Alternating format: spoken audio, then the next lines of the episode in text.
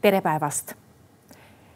täna on koalitsiooniläbirääkimiste kolmas päev, mis tähendab, et omavahel on tuttavaks saadud ja tõenäoliselt on asutud ka juba päris teemade arutamise juurde. meil on stuudios sotsiaaldemokraatide poolne läbirääkija Jevgeni Ossinovski, tere päevast. tervist. no kas täna hommikul jõudsite siis juba ka julgeoleku teemaga alustada? Jah, täna on äh, julgeolekupäev, võib siis öelda esimese nii-öelda sisulise teemana, nii et äh, läbirääkimised esimeses päevapooles ja nüüd lähevad ka, ka pärastlõunal edasi. No arvata võib, et äh, see teema, mis on muidugi tähtis ja nõuab igakülgset arutelu, aga arvata võib, et võimalikel koalitsioonipartneritel siin väga palju erimeelsusi ei ole või on kuskil mingid asjad, mille puhul peaks nagu ikkagi olema hästi tähelepanelik no esiteks tõepoolest tegemist on kahtlemata äh, tänases olukorras äh, ühe kõige olulisema teemaga, nii et sellepärast sellest ka alustatakse. ja, ja tõepoolest ka sotsiaaldemokraatidele teema on väga oluline. Äh, meil on väga põhjalik ekspertide poolt kiidetud riigikaitseprogramm ja, ja eks teistel erakondadel laias laastus jah, sellest nii-öelda fundamentaalseid erimeelsusi ei ole, aga eks küsimus on ambitsioonis, rõhuasetustes ja nii edasi, nii et eks nendes küsimustes kokkuleppele püütakse jõuda ja no ma usun, et jõutakse. No riigikaitse puhul on kõige tähtsam see, et kui ühel hetkel te jõuate rahakoti juurde, et siis ja on tarvis näpistama hakata, et siis ei tekiks nagu kellelgi soovi näpistada natuke ka riigikaitse arvelt no ma arvan, et seda nende partnerite koostöös pigem ei juhtu ja arvestades ka objektiivset olukorda meie regioonis, nii et, nii et ka juba suur osa ju tegelikult täiendavatest riigikaitseotsustest sai ka, ka nii-öelda lahkuva valitsuse poolt tehtud ja eks see on ka teatud äh, raam, mida järgnevateks aastateks ta on noh, mingis mõttes juba ka ju riigieelarve strateegiasse ka sisse kirjutatud, aga loomulikult nii-öelda on ka, ka uusi täiendavaid teemasid, mis, milles kokku tuleb leppida. nii et eks loomulikult ka see nõuab raha, aga, aga iseenesest ma arvan, et, et see on üks nendest teemadest, mille osas noh, nii-öelda ei pea partneritele seletama, et ta on piisavalt prioriteetne ja vajalikud kulud tuleb katta mis need mõningad täiendused võiksid olla, et eh, mille puhul eh, tuleks avada arutelu võib-olla natuke põhjalikumalt? no ma mõtlen, mil, mil määral seda, seda praeguses faasis on, on, on võimalik niimoodi siin kajastada, aga eks erinevatel erakondadel ju siin valimiskampaania käigus ka on olnud erinevaid nii-öelda rõhu, rõhuasetusi selles kontekstis, mida veel täiendavalt oleks nii-öelda pikemas vaates äh, vajalik teha. aga ma arvan, et üks noh, tegelikult oluline küsimus, ähm, mille osas on vaja kokkuleppele jõuda, puudutab muidugi Nursipalut, mis äh, valimiseelses äh, sellises teravas meeleolus valitsuse lau-, valitsuse poolt laualt maha võeti, et uus valitsus saaks kiiresti siis tõepoolest värske mandaadiga neid, neid otsuseid teha. nii et, nii et eks see on üks nendest teemadest, mille puhul äh, Äh, on vaja leida siis nii-öelda tasakaal riigikaitseliste huvide ja siis kohaliku kogukonna äh, vahel. ja seda siis täna ka arutati ja ma usun, et, et see kokkulepe leitakse. Äh, kas sisejulgeolek tuleb teil eraldi teemana lauale? Sisejulgeolek klassikalises mõttes jah, aga eks nii-öelda riigikaitset me käsitleme loomulikult ka nii-öelda laiapindses mõttes, et nii-öelda mittesõjalist siis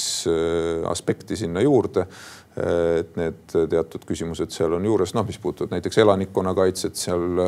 varjumiskohtade võrgustiku küsimusi ja nii edasi. noh, taaskord, ega siin ma arvan, printsiibis erimeelsusi on, on vähe, küsimus on selles, et kui kiiresti me jõuame siis vajalike plaanideni ja siis ka rahastuskavadeni selleks, et, et ka siin suurem samm edasi teha. No kui te rahani jõuate konkreetselt, siis tõenäoliselt siiamaani oli ka noh, tuleb jutuks, sest üsna segane on ka olnud, et kui me räägime sellest teatavast protsendist, mis me riigikaitsele eraldame, siis siin on olnud ka erinevad seisukohad, et kas see sisaldab endas ka elanikkonnakaitset või tuleks sellest eraldi rääkida. et see arutelu seisab ees veel.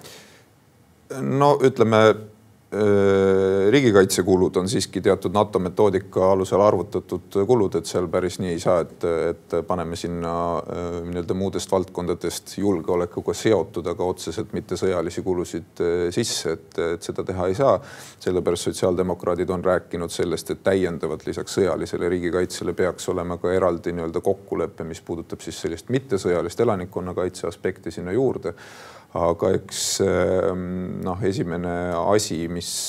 mille osas on eeltööd loomulikult tehtud äh, ametite, ministeeriumite poolt, on see, et tegelikult valitsus lepiks ka kokku nii-öelda elanikkonnakaitse teatud noh, konkreetsed tegevused lähiaastateks, millel on loomulikult ka rahanumbrid äh, juures. Ja noh, see tõepoolest on üks nendest teemadest, mis, mis ka sõltub ka sellest, et kui palju siis õnnestub kokku leppida nendes vahendites, sellest sõltub, kui kiiresti me saame nende asjadega edasi liikuda no esimesel võimalike koalitsioonipartnerite kohtumisel oli juttu rahast, ehk siis anti ülevaade riigieelarve ja riigi rahanduse seisust.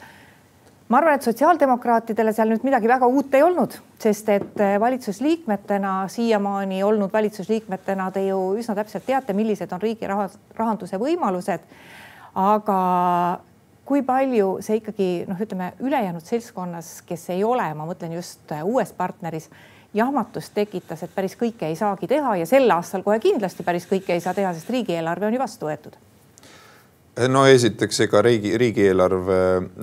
nii-öelda nelja-aastane pilt on ju kinnitatud riigieelarve strateegias, on avalik dokument, kõik võivad sellega rahandusministeeriumi kodulehel tutvuda, nagu ka eelmine eh, majandusprognoos, mille alusel see on tehtud, nii et, eh, nii et see, et meie eelarve on lähiaastateks päris arvestatavas miinuses, defitsiidis ei saa nüüd kellelegi muidugi üllatusena tulla. Ja see pole juhtunud ka juhuslikult, vaid on juhtunud valitsuse otsuste siis tulemusena ja otsused omakorda on tingitud sellest, et meil on, on ju järjest olnud kaks kriisi, koroonakriis ühelt poolt ja seejärel siis, siis nüüd ka Ukrainaga sõjaga seonduv ja see, siin ei ole Eesti ju kuidagi nii-öelda ainulaadne, kogu Euroopas on tegelikult sarnane olukord, eelarve defitsiidid on kasvanud selleks, et siis eh, toetada majandust, toetada elanikkonda energiakriisis siin viimaste aastate jooksul. ja, ja, ja eks paljud riigid on sarnases seisus, kus tuleb siis korraga jõuda nii-öelda jätkusuutliku rahanduse, rahanduspildini, eelarve tasakaalu poole liikuda, defitsiiti vähendada ja teisipidi loomulikult jätkata ka oluliste investeeringutega erinevatesse valdkondadesse, haridusse, sotsiaalvaldkonda ja nii edasi nii et, äh, nii et ma arvan, et see iseenesest üllatusena ei saanud tulla, nüüd on küsimus selles, et tõepoolest, et kuidas nüüd äh, siit edasi minna, et üks variant on võtta selline hästi minimalistlik hoiak, öelda, et raha pole ja midagi teha ei ole võimalik, aga ma arvan, et alustaval valitsusel sellist, sellist varianti äh, ka täitsa objektiivselt ei ole, sest noh, need objektiivselt lisaraha vajavaid valdkondasid on lihtsalt nii palju. Äh, on ta haridusvaldkond, on ta sotsiaalvaldkond, tervishoiu jätkusuutlikkus ja nii edasi. Mm, nii et, nii et eks siin tuleb see, see kokkulepe leida, et paraku noh, nagu ikka enne valimisi Äh, on niimoodi, et, et kõige populaarsem lubadus on see, et tõstame toetusi, alandame makse ja viime eelarve tasakaalu, aga noh, matemaatiliselt see loomulikult võimalik ei ole ja see on, see on ka tegelikult ainus sõnum, mida, mida rahandusministeerium läbirääkijateni siis ka, ka viis, et, et kui soovida saada paremaid teenuseid rohkem teenuseid riigi poolt, siis, siis maksu, sellise maksukoormusega, nagu ta meil täna on, seda võimalik äh, teha ei ole, nii et, äh, nii et ja sotsiaaldemokraadid siin, ei ole ju kunagi saladust teinud, et meie oleme valmis äh, lisaks kulude poolel tulude poolt arutama. loomulikult meil on oma põhimõte, et et tulu või maksumuudatused peaksid olema sellised, mis siis neid kõige madalama sissetulekuga inimesi võiksid sellest säästa. Ja, ja rohkem võiks siis maksustada vara ja, ja jõukust, eks noh, selles osas me tõenäoliselt meie partneritel on, on ideoloogiliselt mõneti teine seisukoht, aga eks need on nüüd asjad, mis siis tuleb omavahel läbi vaielda ja kokku leppida eile oli see päev, kus kõik said nii-öelda rahanumbreid silmas pidamata rääkida oma nendest plaanidest või oma nägemustest, et kui suured need plaanid ikkagi olid ja, ja noh, rahanumbrit, nagu ma ütlesin, sinna taha ei pandud, pandud, aga ikkagi, et kuidas kogu pilt tundus? No on kahtlemata teemasid, mille osas äh, on selle, selle koalitsiooni äh, partneritel ühine nägemus. no julgeolekust me juba rääkisime loomulikult, aga ka näiteks äh, siis roheleppe elluviimise küsimused, keskkonnakaitse küsimused, ma arvan, et seal on päris suur ühisosa, noh, me ei ole, ütleme teemana energeetikani jõudnud, aga ma arvan, et, et me laias laastus liigume nii-öelda samas väärtusruumis selles kontekstis, et me peame taastuvenergiale kiiresti üle minema fossiilsete kütuste osakaalu vähendama ja nii edasi, nii et eks jällegi detailides tuleb vaidlusi palju kindlasti. aga noh, iseenesest nii-öelda suund ja arusaam, kuhu suunas tuleb liikuda, et ma arvan, et see on ühine noh, teatud liberaalse ühiskonna alusväärtuste kontekstis on, ma arvan, meil ka üsna sarnased, sarnased arusaamad demokraatiast, inimõigustest, nii et ka seal ma arvan, kokkulepete saavutamine ei ole teab mis keeruline no sotsiaaldemokraatide poolt ma võin öelda, et meie ja see pole loomulikult kellelegi saladus, et kahe parempoolse erakonna kõrval me oleme see erakond, kes tasakaalustab neid, kes toob siis äh, sinna valitsuskoostöösse rohkem siis sotsiaalse õigluse, võrdsemate võimaluste tagamise küsimusi. Äh, regionaalne ebavõrdsus on meile kahtlemata oluline, palgavaesuse äh, teemad, nii et see on see nurk, mille osas me, me kindlasti näeme, et meil on vaja siin edasiminekut teha. eks partnerite on noh, mõnes küsimuses vähem või rohkem ambitsioonikaid visioone, aga, aga eks lõpuks on küsimus selles, et me peame nendes ühiselt siis saama kokkuleppele ajakirjanikud hakkavad niikuinii varsti küsima, et eh, kuidas siis on, et kas kooseluseaduse rakendusaktid või abieluvõrdsus? kuigi see tundub väikese teemana, aga Reformierakonnal on siin selge oma eelistus, mis tundub küll olevat kooseluseaduse rakendusaktid ja ma ei usu jah, et see on, ütleme nii-öelda suures, suures pildis praegu see teema, mis, mis eeldaks siin äh, aastatepikkust ühiskondlikku arutelu. aga me teame, et ta võib seda, seda tekitada nagu väärtusküsimused ikka, et ma, ma arvan, et küll see on minu isiklik arvamus, et me võiksime seda hetke ära kasutada praegu, kus, kus liberaalsel koalitsioonil on tugev mandaat rahva käest saadud. nii Eesti kahesaja kui sotsiaaldemokraatide programm ütleb, et me võiksime selle teema ükskord ära lahendada niimoodi, et me ei pea seda nüüd järgmised kümme aastat jälle arutama igal valimisel, tagada abieluvõrdsus, kooseluseaduse rakendussätted niikuinii ja, ja oleks see teema lahendatud ja, ja, ja saaks rohkem sellele ühiskondlikku nii-öelda arutelu aega mitte pühendada. Kas äh, Reformierakond äh, siin oskab seda nii-öelda ajaloolist hetke kasutada või mitte, eks see on küsimus neile no praegu tundub, et teil on hästi palju aega läbirääkimiseks, sest et äh, Riigikogu valimiste lõpptulemusi välja ei saa kuulutada ja sellega võib veel aega minna. Samas ei ole ju väga hea, kui ametis olevad ministrid, kellel tegelikult enam väga volitusi ei ole, liiga kaua askeldavad, et kui meil siin justiitsminister veel igas omavalitsuses tänavanimesid muudab ja nii edasi, et selles mõttes tõenäoliselt oleks ikkagi väga hea, kui kogu see protsess läheks võimalikult ruttu nojah, ma arvan, et äh, nii-öelda lõpetava valitsuse äh, liikmed võiksid äh, kindlasti olla ettevaatlikud igasuguste otsuste nii-öelda mm, fundamentaalsete otsuste tegemisel, et, et selleks neil tõepoolest enam, enam ju sisulist mandaati ei ole. eks nii-öelda igapäevast haldust ministeeriumis tuleb neil teha, sellepärast et, et niimoodi meie kord ette näeb aga ajalises perspektiivis, eks noh, iseenesest see, et, et pärast Riigikogu valimisi selline umbes kuukene need läbirääkimised käivad, ma arvan, on suhteliselt tavapärane.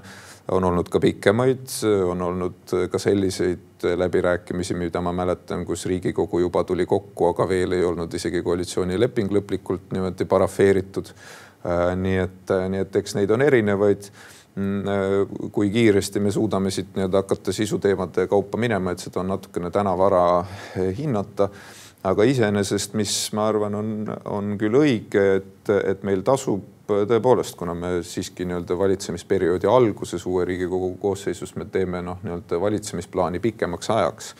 ja ka suhteliselt tugeva mandaadiga äh, Riigikogus äh, tasub ka seda hetke kasutada, et ka noh, suuremaid reforme, olulisemaid muutusi äh, läbi viia, et meil on olnud siin valitsusi, noh, mis on rohkem niimoodi äraolemise valitsused mingis mõttes olnud, et väga väikese enamusega töötanud, võib-olla ka ideoloogiliselt hästi erimeelsed, et noh, et niimoodi jagame valdkonnad ära ja siis lihtsalt oleme. et ma arvan, et praegu on see hetk, kus on võimalik tegelikult ka teatud suuremaid muutusi käima lükata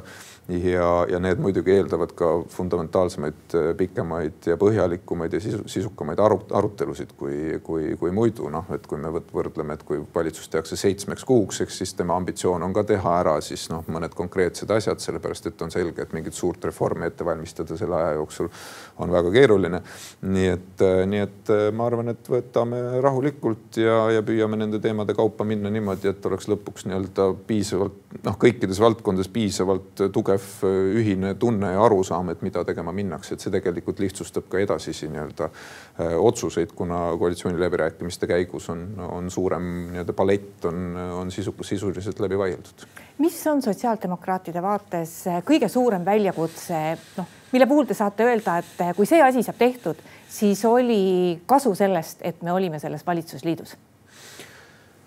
ma ei tea, kas ma ühte niimoodi äh, julgen nimetada, et ma arvan, et meil on noh, nii-öelda mõned olulisemad fookusteemad. Äh, kindlasti keskkonna kliimapoliitika on üks nendest, kus, kus see valitsus peab äh, olulisi suuri otsuseid tegema sellepärast et, eh, et kliimamuutusest tulenev eh, nii-öelda ajakava on lihtsalt selline, et, et meil on vaja kiiresti neid, neid otsuseid teha, et kui me tahame, et aastal kaks tuhat kolmkümmend oleks meil meretuulepargid püsti, siis neid vajalikke otsuseid tuleb teha kohe, et ei saa neid hakata tegema aastal kaks tuhat kakskümmend üheksa, et siis me lihtsalt ei saavuta neid eesmärke. et energeetika on kindlasti üks sellistest. Aga nii-öelda noh, teemadega, teemadena, mida võib-olla teised part-, kus teised partnerid vajavad veenmist, et need on olulised, siis, siis ma arvan, et, et noh, meie klassikalised äh, valdkonnad, haridus, sotsiaalvaldkond, tervishoid regionaalne küsimus, regionaalse ebavõrdsuse vähendamine ja, ja siis tõepoolest siis ka nii-öelda palgavaesus, sissetulekute ebavõrdsus kui teema, et, et need on asjad, mille eest me oleme seisnud. oleme ka varasemalt otsuseid teinud, mis puudutab seda tulumaksuvaba miinimumi tõstmist, hooldekodureformi ja nii edasi. ja kindlasti, et me näeme, et siin on, on vaja teha ka järgmisi olulisi otsuseid järgmise nelja aasta jooksul no Reformierakond on välja öelnud, et seekord ei jagata valitsuses liikmekohti võrdselt. Reformierakonnal on tugev mandaat ja valitsusliikmete ehk siis ministrite kohti jagatakse nagu proportsionaalselt sellega. on, olete te sellega nõus ja kas see on õiglane? ma ütleks niimoodi, et, et noh, see muidugi ka nii, nii parteidele kui ka avalikus arutelus see tekitab palju kirgi, et palju seal, mis kohti, kes saab, eks ju aga suures pildis minu meelest on olulisem see, et, et Eesti riik saaks endale tugeva, professionaalse, teovõimelise valitsuse, kus inimesed, kes erinevatel ametipostidel töötavad, oleksid oma valdkonna spetsialistid, kompetentsed ja tõepoolest suudaksid neid suuri olulisi reforme äh, ellu viia et on ta seal üks koht rohkem või vähem suures pildis, äh, ma arvan, ei ole nii tähtis. aga noh, eks loomulikult erakonnad seisavad ikka selle eest, et, et saada maksimaalselt äh, parim tulemus ka nii-öelda portfellide osas. Ja, ja eks seda ka äh, püüab Reformierakond sellesama sõnumiga teha, eks partnerid loomulikult ühtepidi mõistavad seda nii-öelda mandaadilist ülekaalu, mis on ju objektiivne reaalsus, mille valija on Reformierakonnale andnud, aga teisipidi, eks, eks ka meil on oma nii-öelda kriteeriumid ja põhimõtted, eh, mille kohaselt me neid läbirääkimisi peame. ma arvan, et hästi oluline eh, ka selles aspektis, aga ka tervikuna on see, et, et partnerid tunneksid ennast väärikana. et, et kõik peavad tundma, et nad saavad oma programmi ellu viia, nad saavad oma valijate ees seista, eh, olulisi asju enda jaoks teha ja, ja õhkkond, atmosfäär peab olema seda soodustama ja, ja ma loodan, et see, seda õnnestub hoida no aeg-ajalt on ikka juhtunud nii, et äh, Toompeal toimuv ehk siis uus võimuliit Toompeal on mõjutanud ka võimuliitu Tallinnas. Kuidas teil praegu Tallinnas tundub, et kui kindel partner te praegu Keskerakonnale olete ja kas äh, sõltuvalt sellest, et Keskerakond nüüd Toompeal jääb võimust ilma, võiks tahta, et ta võtab endale mõne teise liitlasega Tallinnas, noh kellegi, kellega ta koos on opositsioonis Toompeal no esiteks, ega võrreldes viimase äh, seitsme kuuga ei ole olukord muutunud, et Keskerakond oli ka enne opositsioonis riigis ja, ja nüüd ka suure tõenäosusega jätkab ähm, opositsioonis. Nii et sotsiaaldemokraatide vaates meie koostöö Tallinnas on toimiv ja me ei näe küll mingit põhjust, miks, äh, miks me ei võiks ähm, seda koostööd jätkata, nii et see on see, mis mina omalt poolt saan öelda, võin öelda, et meie koostöösuhted on jätkuvasti head Äh, ja, ja selles mõttes meie oleme valmis igatepidi edasi töötama. Kui palju mõjutab Tallinna igapäevaelu see või ütleme, Tallinna linna otsustussüsteemi see, kui toimub äh, võtmepositsioonil olevate inimeste vahetus, sest et kõigepealt te ise muide saite ju parlamenti, mis, mida te teete, kas te lähete parlamenti või jääte volikogu esimehe kohale edasi, sest tegelikult mõlemat kohta võib ju ka pidada, juhul kui te muidugi ministriks ei lähe. Jah, mõlemat kohta võib pidada ja ma olen, olen, olen öelnud, et juhul kui ma Riigikogu mandaadi saan, siis ma võtan ta vastu, nii et, nii et tõepoolest seda ma ka teen nüüd tõepoolest, kui vaadata ka teisi nii-öelda linnavalitsuse positsioone, siis seal mitmed linnavalitsuse liikmed osutusid Riigikokku valituks aga tänase seisuga